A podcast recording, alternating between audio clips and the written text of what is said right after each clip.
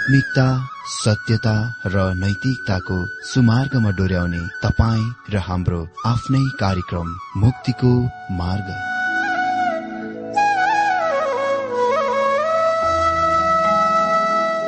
आदरणीय श्रोता यस मुक्तिको मार्ग कार्यक्रममा हार्दिक स्वागत छ।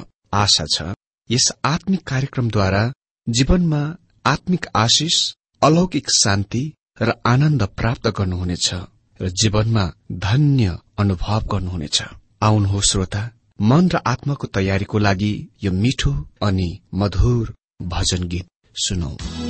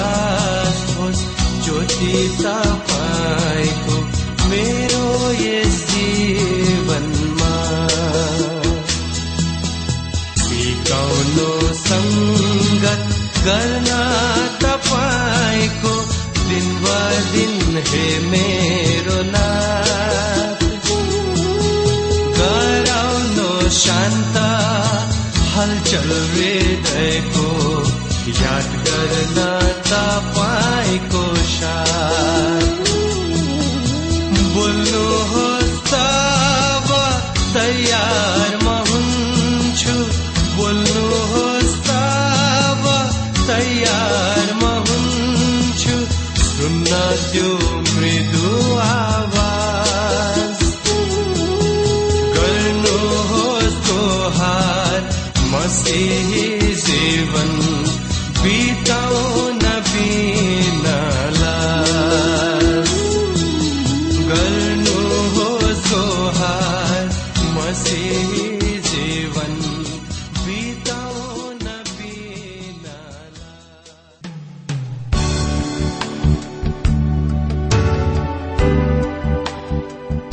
प्रिय श्रोता यो प्रसारण मार्फत यो अवगत गराउन चाहन्छौ कि प्रभुको सेवाको लागि यहाँहरूको साझेदारी नित्यन्त आवश्यकता छ। यहाँहरूले प्रार्थनाको साथसाथै आर्थिक सहायता गर्न अनुरोध गर्दछौ। तपाईँहरूको सानो भन्दा सानो भेटी किन नहोस् हामी प्रभुको नाममा स्वीकार गर्नेछौ प्रभुको सेवाको लागि। तपाईँहरूको यो सानो लगानीले कसैको जीवनमा भिन्नता ल्याउँछ? अनि प्रभुको महिमा हुन्छ। प्रभु तपाईँहरूलाई महान गरी आशिष दिनुहुनेछ। इच्छुक श्रोताहरूले तपाईँको इच्छा भेटी हाम्रो ठेगानामा पठाउन सक्नुहुन्छ जुन ठेगाना हामी कार्यक्रमको अन्तमा दिनेछौं। श्रोता आज पनि तपाई सबैलाई मेरो ख्रिस्टीय विवादन जयमसी तथा हार्दिक स्वागत छ आजको यो बाइबल अध्ययन कार्यक्रममा। मित्र अघिल्ला दिनहरूमा हामीले दोस्रो युहन्ना एक अध्यय एकदेखि छ पदसम्मबाट सत्यको सिमानामा परिधिमा प्रेमको व्यक्त गरिनुपर्छ भन्ने विषयबाट अध्ययन गरिरहेका थियौं। आज हामी विषयको रूपमा हेर्नेछौ। जीवन ख्रिस्टको सिद्धान्तको अभिव्यक्त हो। जीवन ख्रिस्टको सिद्धान्तको अभिव्यक्त हो। यो हामी आज दोस्रो युहान एक अध्यायको सात पदबाट अध्ययन गर्नेछौ। अनि हामी यही विषयबाट अर्को दिनमा पनि अध्ययन गर्नेछौ। दोस्रो युहान एक अध्यायको सात पदमा यस प्रकार लेखिएको छ किनकि भ्रममा पार्नेहरू धेरैजना संसारमा आएका छन् जसले येशु ख्रिस्ट शरीरमा आउनु भएको हो भनी स्वीकार गर्दैनन्। यस्तो व्यक्ति नै छली र ख्रिस्ट विरोधी हो। हजुर युहानले आफ्नो पहिलो पत्रमा भने पहिले नै त्यहाँ धेरै ख्रिस्ट विरोधीहरू थिए र त्यहाँ ख्रिस्ट विरोधीको आत्मा थियो। हामी कसरी ख्रिस्ट विरोधीको आत्माको पत्ता लगाउँछौ? युहानले हामीलाई उत्तर दिन्छन् जसले स्वीकार गर्दैनन् कि येशु ख्रिस्ट शरीरमा आउनु भएको हो। ख्रिस्ट विरोधीको आत्मा ख्रिस्टको ईश्वरत्वलाई इन्कार गर्नु हो। यो उहाँको बारेमा भनिएका हरेक कुरा र उहाँले भन्नुभएका हरेक कुरालाई र हाम्रो लागि उद्धार वा छुटकारामा क्रुसमा मर्नु भएर र मृत्युबाट शरीरमा पुनरुत्थान हुनुभएको तथ्यको इन्कार गर्नु हो। त्यो ख्रिस्ट विरोधी हो र त्यो ख्रिस्ट विरोधीको आत्मा हो। म विश्वास गर्दछु कि अन्तिममा ख्रिस्ट विरोधीको आत्मा एक मानिसद्वारा होइन तर दुई मानिसद्वारा नेतृत्व गरिनेछ। किनभने यी दुई मानिसहरू प्रकाश तेह्र अध्यायमा वर्णन गरिएको छ। एउटा चाहिँ महान राजनीतिज्ञ शासक ख्रिस्टको शत्रु हो। त्यो ख्रिस्टको विरूद्ध हुनेछ। अर्को चाहिँ धार्मिक शासक हो जसले ख्रिस्टको नक्कल गर्नेछ। र पहिलो जन्तुलाई अर्थात राजनीतिक शासकलाई उपासना पूजा गर्न संसारलाई लगाउनेछ। यो भविष्यमा आइरहेको छ। र यस पक्षको प्रत्येक कुराले त्यस व्यक्तिको आगमनको लागि यति धेरै बाटो तयार गरिरहेको हुन्छ जब राजनीतिक शासक र धार्मिक शासक अन्तिममा प्रकट हुनेछन् संसार तिनीहरूको लागि तयार हुनेछ अनि यो मलाई यस्तो देखाइ पर्दछ कि संसार लगभग तिनीहरूको लागि अहिले नै तयार भइसकेका छन्। कुरालाई शुरू गर्दाखेरि राजनीतिक शासकले संसारमा शान्तिको प्रतिज्ञा गर्नेछ र साढे तीन वर्ष साढे तीन वर्ष त्यसले यसको अति नै राम्ररी काम पनि गर्नेछ तर त्यो स्थायी होइन। यसले अति नै भयानक आपत्ति संकष्टको निर्माण गर्नेछ जुन आर्मागदोनको युद्धको परिचय गरिएको छ। आर्मागदोनको युद्धको रूपमा त्यसलाई हामी देख्नेछौ। ख्रिष्ट पृथ्वीमा आफ्नो राज्यको स्थापन गर्न नआउजेल। ख्रिष्टको आगमनसम्म करिब साढे तीन वर्षसम्म त्यो चलिरहनेछ। मित्र त्यस समयमा पनि त्यहाँ एक धर्म हुनेछ र हामी निश्चय नै त्यस दिशातिर अहिले पनि बढ़िरहेका छौं। यो विश्व धर्म हुनेछ जहाँ तिनीहरू सबैले आफ्ना सोचाइहरूको एक मत बनाउनेछन्। त्यो त्यस्तो धर्म हुनेछ जुनले वास्तवमा कुनै कुरामा पनि विश्वास गर्ने छैन। तिनीहरू एकसाथमा पकडी राख्ने कुनै कुरा हुने छैन। हामीलाई आज प्राय गरी त्यस्ता कुराहरूबाट छुटकारा पाउनु आग्रह गरिन्दछ जुनले हामीलाई अलग गराउँदछ। मेरो मित्र यदि हामीलाई अलग गर्ने सबै कुराबाट छुटकारा पाउन चाहन्छौ वा मुक्त हुन्छौ भने हामीलाई एकठामा बाँधिराख्ने कुनै कुरा छोडिने छैन। यो नै त्यस प्रकार कुरासँग समस्या हुन्छ।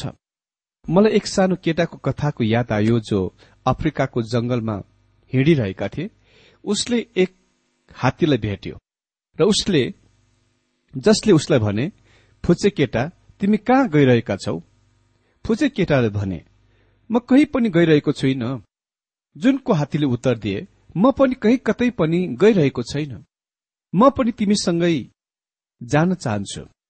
अ मित्र त्यसै प्रकारको चर्च वा मण्डली एकता संघ आज आइरहेको छ। तिनीहरू कहीँ कतै गइरहेका छैनन्। तिनीहरू कुनै पनि कुरामा विश्वास गर्दैनन्। त्यसकारण तिनीहरू सबै आपसमा एकट्ठा हुन सक्छन्। यो नै धोकेबाज अन्तिममा आइरहेको छ।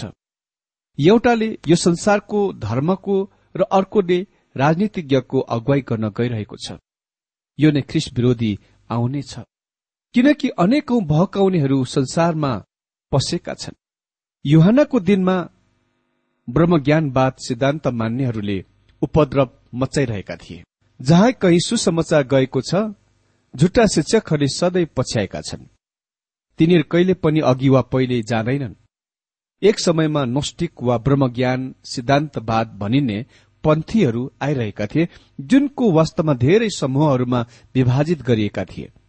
त्यहाँ सेरेन्थियन नोस्टिक वा ब्रह्मज्ञान सिद्धान्तवादीहरू थिए जसले एफिससमा सेरिन्थस भन्ने शिक्षकलाई अनुसरण गर्थे। त्यहाँ परम्परा छ युहना जो एफिससका पास्टर थिए सार्वजनिक स्नान पोखरीमा गएर नुहाउने पोखरीमा गएर वृद्ध सेरेन्थसले पनि नुहाइरहेको देखे। त्यसकारण युहना त्यस पोखरी तलाउबाट निस्के र आफ्ना कपड़ाहरूलाई झप्टेर अठ्याए र जबसम्म ऊ बाहिर निस्किआएनन् उसले ती कपड़ाहरू लगाएनन्। किनभने उससँग हेरेटिक वा झुट्टा शिक्षकसँग गर्नुपर्ने केही कुरा पनि थिएन। हजुर त्यो चाहिँ परम्परा हो र यो सत्य पनि हुन सक्छ नहुन पनि सक्छ। तर यसले निश्चय नै युहनाको पत्रमा उसको विचार दृष्टिकोणको व्यक्त गर्दछ। सेरेन्थियन ब्रह्मज्ञान सिद्धान्तवादीहरू आजको धेरै कल्ट झुट्टा शिक्षाहरूसँग त्यस कुरामा मिल्दोजुल्दो छ कि तिनीहरूले सिकाए येशु र ख्रिस्ट दुई बिल्कुलै भिन्न भिन्नै विद्यामानता वा अस्तित्व थिए। र त्यो ईश्वरीय येशुमा उसको बत्तिसमा आयो र क्रुसमा उहाँलाई त्यो ईश्वरत्वले छोड्यो। अनि त्यहाँ डेसेटिक नोस्टिक अर्थात ब्रह्मज्ञान सिद्धान्तवादीहरू पनि थिए जसले ख्रिसको शारीरिक शरीरको वास्तविकतालाई इन्कार गरे। तिनीहरूले भने प्रेरितहरूले सोचे तिनीहरूले यसुलाई देखे तर उहाँ वास्तवमा वास्तविक खास व्यक्ति हुनुहुन्न थियो। उहाँ खालि दृष्टिगोचर पदार्थ वा आकृति मात्र हुनुहुन्थ्यो। हामीसँग केही झुटा शिक्षकहरू छन् जसले त्यो झुटा शिक्षाको अपनाएका छन्। यही नै कारण युहन्नाले आफ्नो पहिलो पत्रमा भने हामीले उहाँलाई देखेका छौं। हामीले उहाँलाई सुनेका छौं र हामीले उहाँमाथि निहालेर हेरेका छौं। हामीले हाम्रा हातले छोएका छौं। हामी जान्दछौ कि हामी के को बारेमा कुरा गरिरहेका छौं। वास्तविक मानिस पनि हुनुहुन्थ्यो। अनि त्यसपछि त्यस दिनमा विशेष यहुदी पन्थीहरू थिए र जब ख्रिस्टियानिटी आयो तिनीहरूले ख्रिस्टियन शिक्षाहरू टिपे।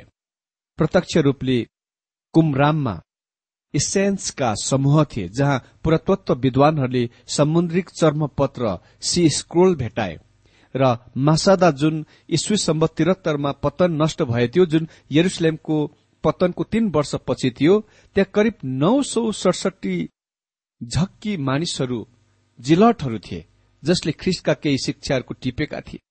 दबै समूहले वर्गहरूले यी झुण्डहरूले बटारेर अर्थात बिगारेर र ख्रिस्टका व्यक्तिका विचार धारणाहरूको बिगारे नष्ट गरे। यहाँ युवानाले भनिरहेका कुरा र आज सबभन्दा महत्वपूर्ण कुरा यो हो त्यहाँ धेरै भहकाउनेहरू छन् जो संसारमा प्रवेश गरिसकेका छन्। अनि एकजना अमेरिकी प्रचारकले भनिरहेका थिए ती तमाम प्रकारका झुट्टा शिक्षाहरूले आफ्नो केन्द्र दक्षिणी क्यालिफोर्नियामा बनाएका छन्। यो सबै प्रकारका झुट्टा शिक्षाहरूको उत्पादन हुने थलो हो। मित्र महत्वपूर्ण कुरा यो हो।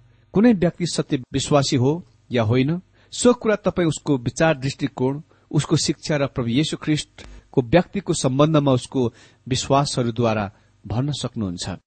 यदि उसले उहाँको बारेमा उचित सही तरिकामा सोच्दैन तपाईँ चिन्न सक्नुहुन्छ कि त्यो झुट्टा व्यक्ति वा झुट्टा शिक्षक हो। यसको मतलब यो होइन कि कुनै व्यक्तिले तपाईँ र मैले समेटेका वा विश्वास गरेका विचार दृष्टिकोणबाट अलग बेग्लै किसिमको दृष्टिकोणको समात्न वा विश्वास गर्न सक्दैन। अह। जस्तै उदाहरणको लागि चुनावको सिद्धान्तमा। चुनाव इलेक्सन सिद्धान्त एक विवादस्पद र बहसको विषय हो। जन वेस्टलीले एउटा कुरा सिकाए जोन काल्भिनले यसको दृष्टिकोणको अर्को कुरा सिकाए। तर यी दुवै व्यक्तिले ख्रिस्टको ईश्वरत्वमा विश्वास गरे। अनि जब तपाईँ ख्रिस्टको ईश्वरत्वमा विश्वास गर्नुहुन्छ त्यसको अर्थ यो हो तपाईँ उहाँको कन्या जन्ममा विश्वास गर्नुहुन्छ। यसको मतलब यो हो हामीसँग परमेश्वरको वचनमा भएको रेकर्डमा विश्वास गर्नुहुन्छ। यसको मतलब हो तपाईँ प्रेतहरूको शिक्षाहरूमा विश्वास गर्नुहुन्छ जुन तिनीहरूका पत्रहरूमा सिकाएका छन्। यी दुई मानिस बीच चुनावको सिद्धान्तको विषयमा दुई अलग अलग विचार धारणा थियो।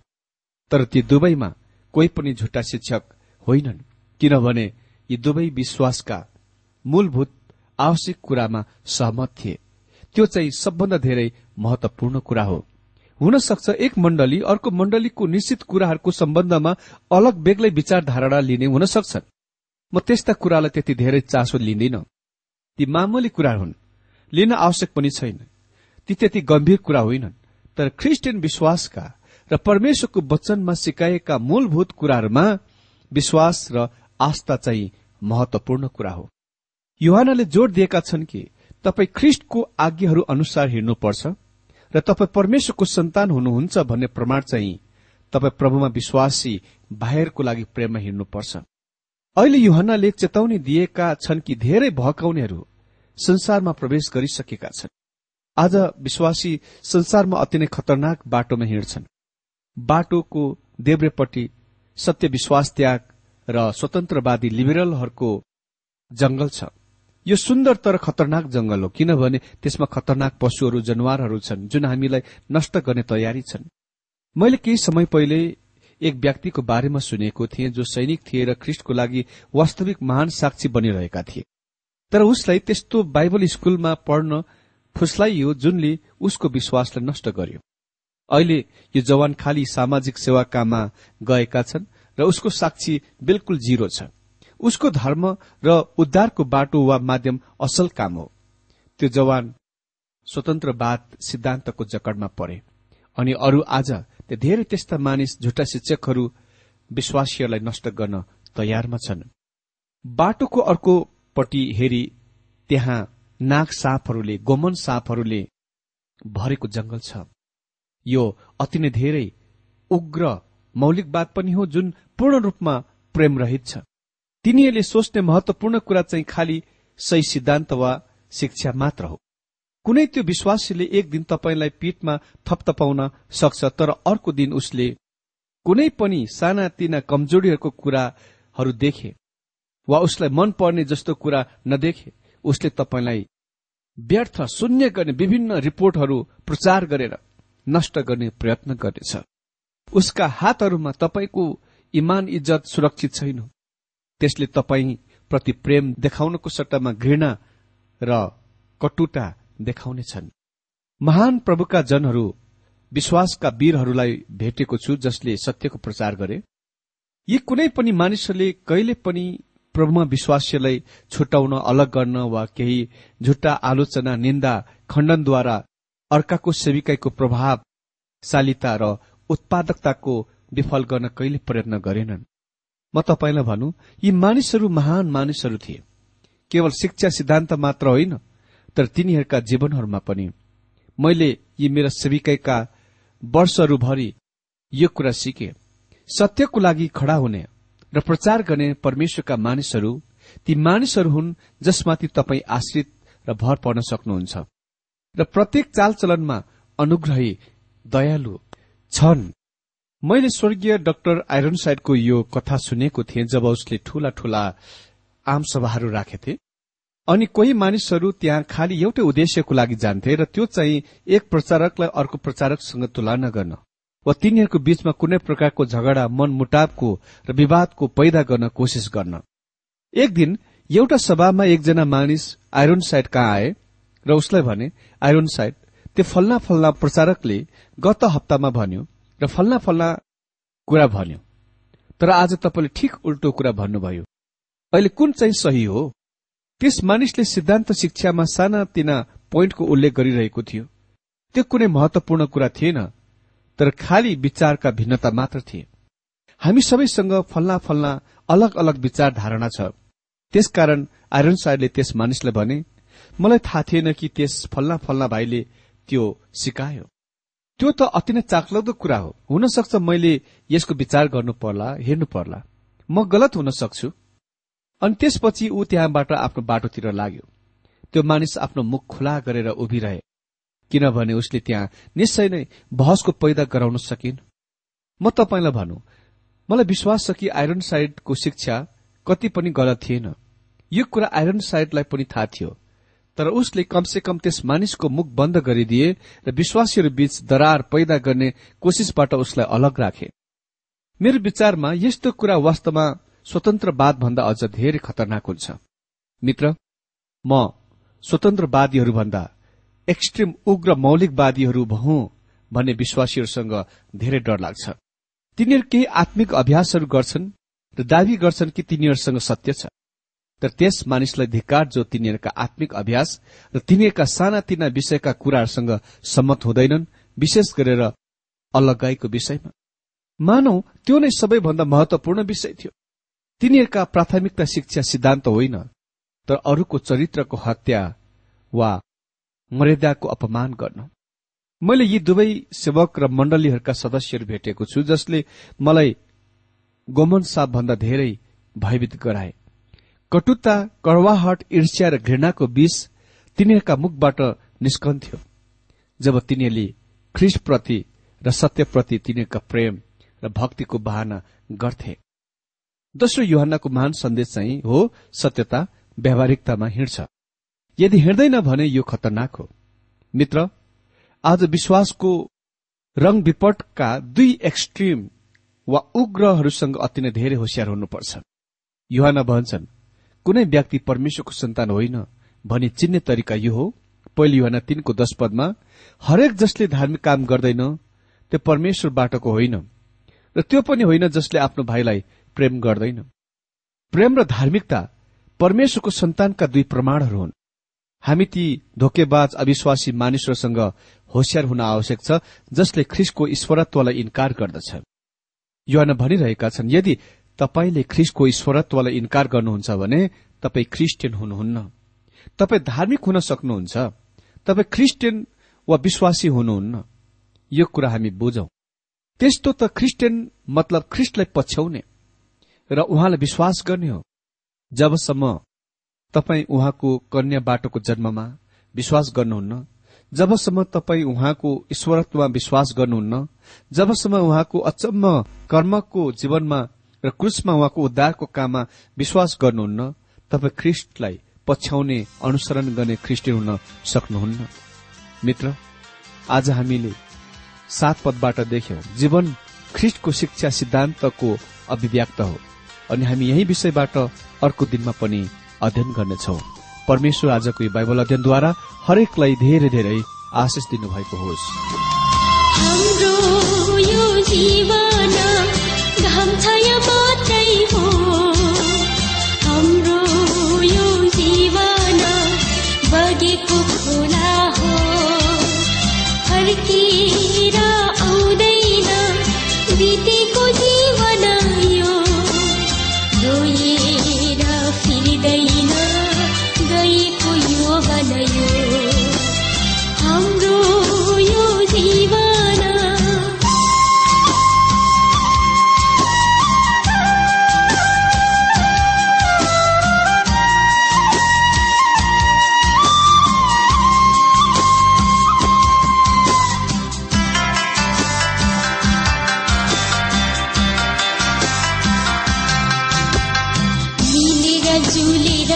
सबैले जय जयकार मना।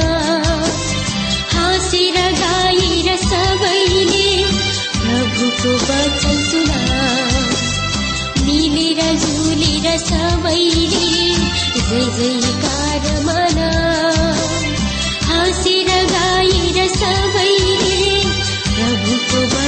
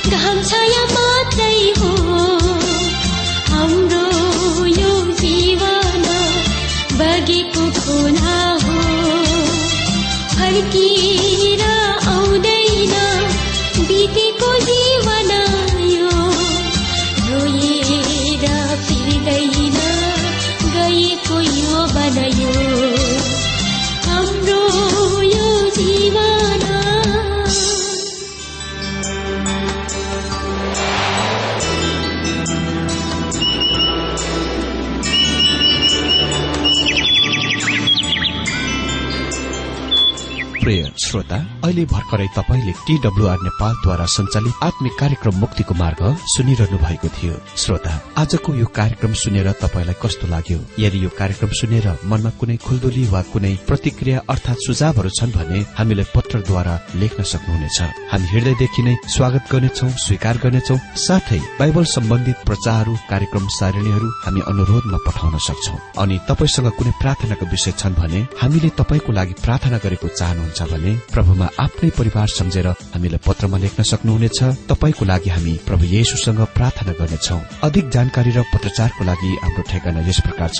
कार्यक्रम मुक्तिको मार्ग जीपीओ नम्बर उनानब्बे पचहत्तर एपीसी पच्चिस एकसठी काठमाडौँ। ठेगाना एकपल्ट सुन्नुहोला। कार्यक्रम मुक्तिको मार्ग जीपीओ नम्बर उनानब्बे पचहत्तर एपीसी पच्चिस एकसठी काठमाडौँ। हाम्रो इमेल एड्रेस हो TWR Nepal at Yahoo dot com साथै यस नम्बरमा एसएमएस गर्न सक्नुहुनेछ। अन्ठानब्बे चार सत्तरी पैंतिस छ सय उनासी नौ आठ चार सात जिरो तीन पाँच छ सात नौ। हुन्छ श्रोता आजलाई हामी विदा चाहन्छौ। अर्को कार्यक्रममा हामी पुनः भेट्नेछौ तबसम्मलाई नमस्कार।